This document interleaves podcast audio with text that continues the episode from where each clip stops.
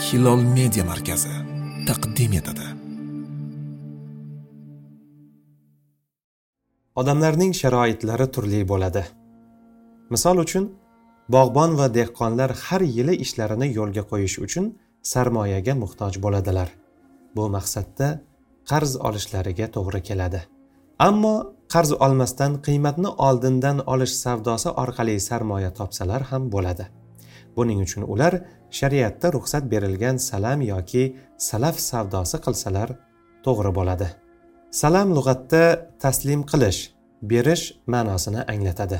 Shariatda esa zimmadagi sifati bayon qilingan molning qiymatini oldindan berishga aytiladi.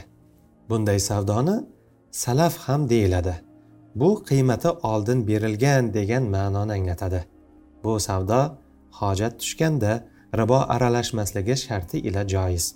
Ya'ni oldi sotdi qilinayotgan narsa bir xil bo'lmasligi va riboning boshqa ko'rinishlari ham aralashmasligi lozim. Salamda oluvchi sotuvchiga men senga bu mablag'ni falon narsani menga sotishing uchun falon vaqtda va falon joyda berishing uchun topshirdim deydi. Salam salaf savdosi haqida ulamolarimiz chuqur va keng ko'lamli bahslar qilganlar. Bu masalani atroflicha o'rganib chiqqanlar. Quyida o'sha muborak ilmiy izlanishlarning samaralaridan ba'zilari bilan qisqacha tanishib chiqamiz. Birinchi salaf savdosi joizligiga qur'oni karimdan ham dalil bor. Alloh taolo baqara surasida marhamat qiladi. Ey iymon keltirganlar qachon ma'lum muddatga qarz oldi berdi qilsangiz uni yozing. 282 oyat. Salafda ham shu ma'no bor. Islom ummatining ilm dengizi qur'on tarjimoni deya ulug'langan buyuk sahobiy abdulloh ibn abbos roziyallohu anhu shohidlik beramanki zimmadagi vasf qilingan ma'lum muddatga kelishilgan salafni alloh o'z kitobida halol qilib izn bergan deb turib yuqoridagi oyatni qiroat qilar ekanlar. Ikkinchi salaf savdosiga sunnatdan ham dalil bor.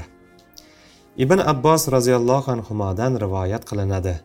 Rasululloh sollallohu alayhi vasallam madinaga kelganlarida ular mevani bir yil ikki yilga salaf savdo qilar edilar. Bas u zot kim xurmoni? Boshqa rivoyatda bir narsani salaf savdo qilsa ma'lum o'lchov ma'lum vazn bilan ma'lum muddatga salaf qilsin. Dedilar. Beshovlari rivoyat qilishgan. Ahli madinaning salaf savdosi johiliyat qoidasi bo'yicha bo'lar edi. Mevaning qancha berilishi qachon va qayerda berilishi tayin qilinmas ekan. Shuning uchun ham oralaridan turli kelishmovchiliklar urush janjallar kelib chiqar edi. Ushbu hadisda payg'ambarimiz sollallohu alayhi vasallam salaf savdosining islomiy sifatini aytdilar. Salaf savdoda quyidagilar bo'lishi shart. Birinchi ma'lum o'lchov. Kilosi yoki boshqa o'lchovlar aniq aytilishi kerak.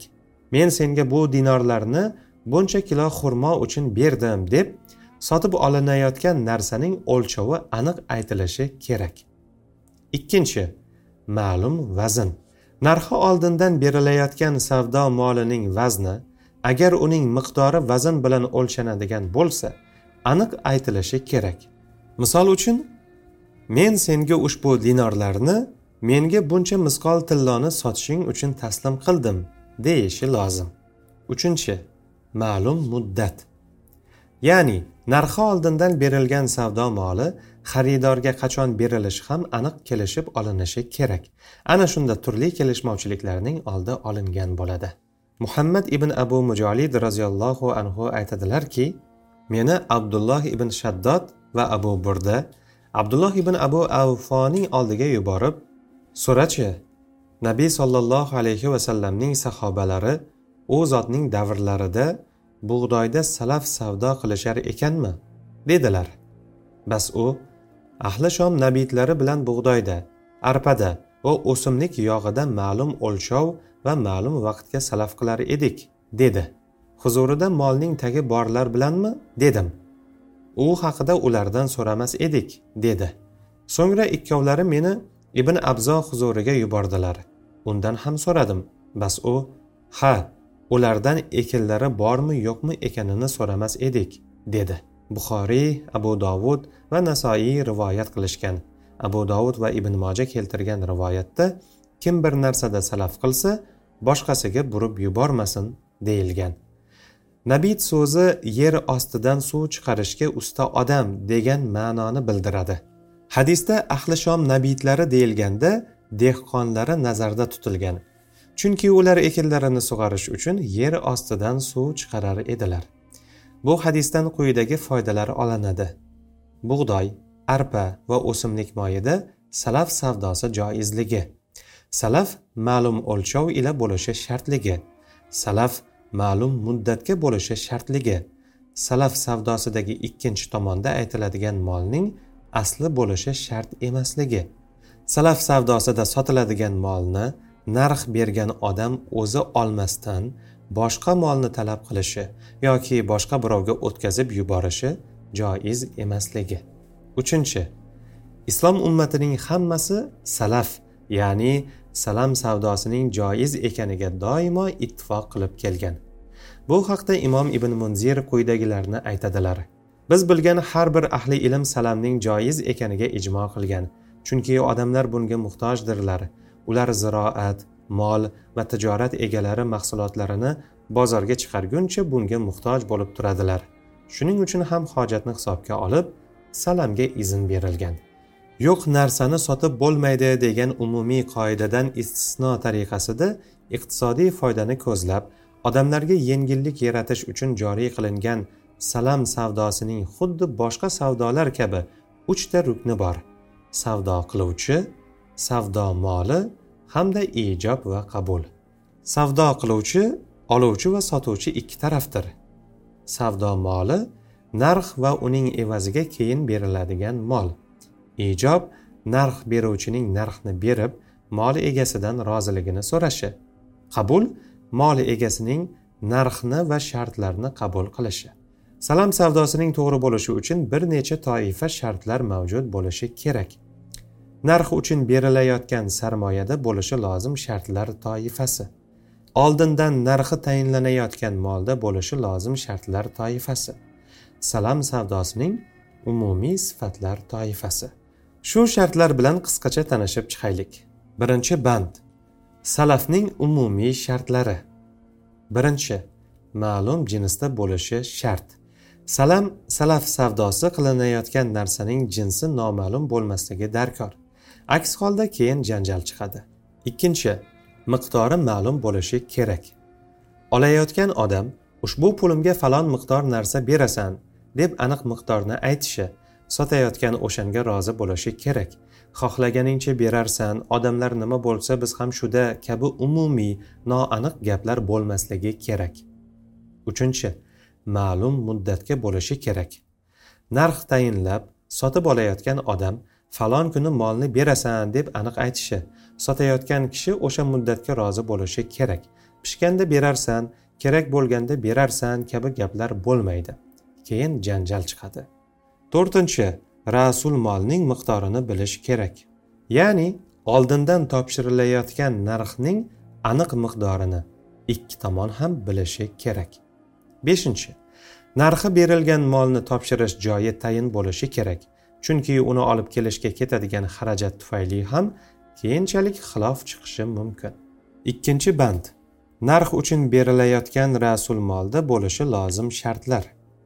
Birinchi jinsi bayon etilishi kerak? Pul bo'lsa dinormi dirhammi yoki boshqami? Boshqa narsa bo'lsa ham nimaligi ochiq oydin bayon qilinishi lozim.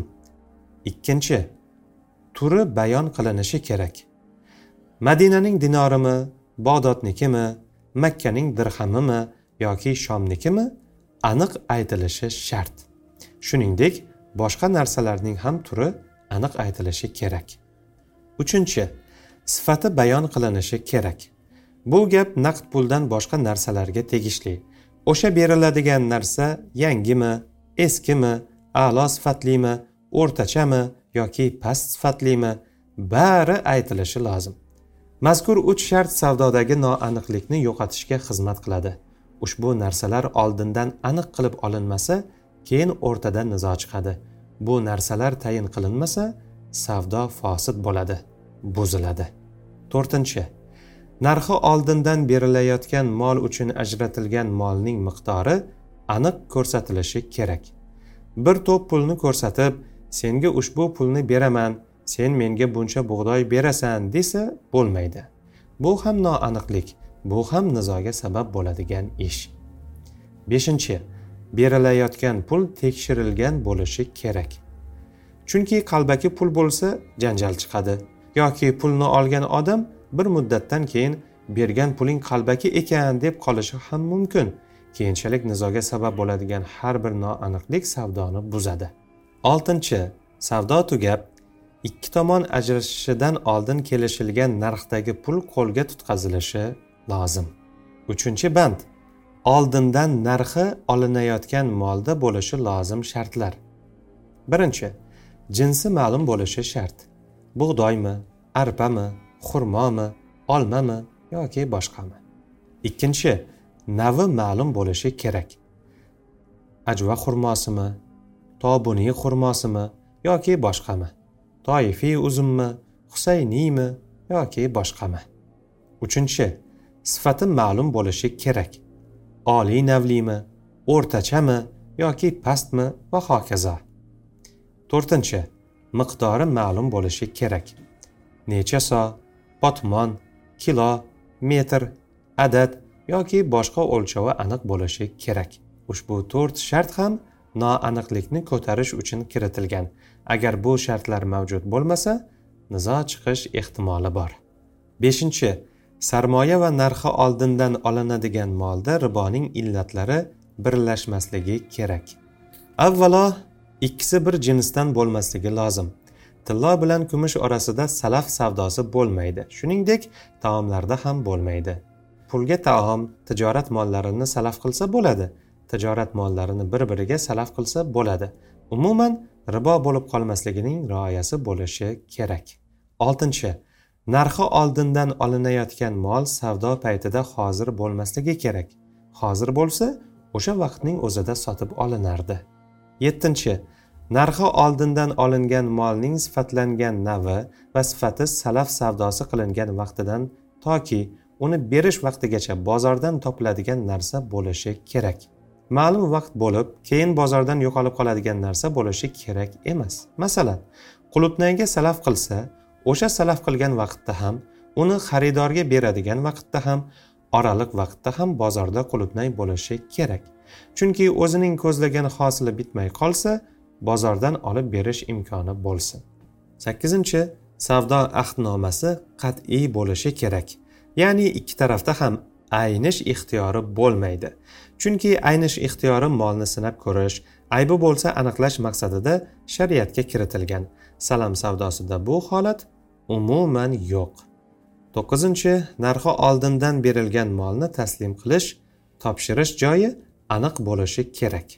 Ko'rinib turibdiki salaf savdosi ham boshqa savdolar kabi nozik masala. Musulmon inson bu ishga kirishishdan oldin yaxshilab o'rganib olishi lozim.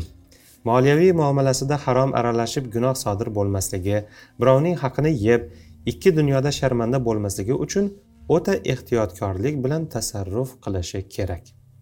Moliyaviy muomalalarning hammasidagi kabi salaf savdosida ham shubhaga va birovning haqqi zoye bo'lmasligiga o'rin qolmaydigan shaklda aniq ish yuritish kerak. Bu ishlarni ikkita odil guvoh huzurida yozib chizib qo'yilsa yana ham yaxshi bo'ladi. Hozirgi kunda bu ishni qilish juda ham zarur. Bunda keyin xiyonat va xilof chiqmasligi uchun zamin yaratilgan bo'ladi. Endi muxtasari viqoyada bu haqda kelgan matnni o'rganaylik. Salam miqdori va sifati ma'lum. Narxga aylantirilgan kayilli va vazilli kabi narsada to'g'ri bo'ladi. Kiyimga o'xshash ziro bilan o'lchanadigan narsalarda uzunligi eni hamda yupqa qalinligi bayon qilingan bo'lishi kerak. Soni sanaladigan narsalar bir biriga yaqin sifatli bo'lishi kerak. Bunda bir donasi boshqasiga hajmda yaqin bo'lgan yong'oq va tuxumga o'xshash narsalar salam savdosi joiz bo'ladi. Ammo donalari orasidagi tafovut katta bo'ladigan qovun va tarvuz kabi narsalarda salam savdosi joiz emas. Tuzlangan baliqda salam savdosi durust. Hayvon uning kalla poychalari va terilarida hamda javohirlarda durust emas. Miqdorini bilib bo'lmaydigan muayyan so va ziroda ham durust emas.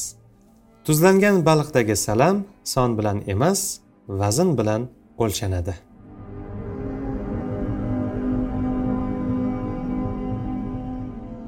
Salamning shartlari. Salamga qo'yiladigan narsaning jinsini. Misol uchun bug'doy navini sug'oriladigan sifatini yaxshi va muddatini falon kuni bayon qilishdir.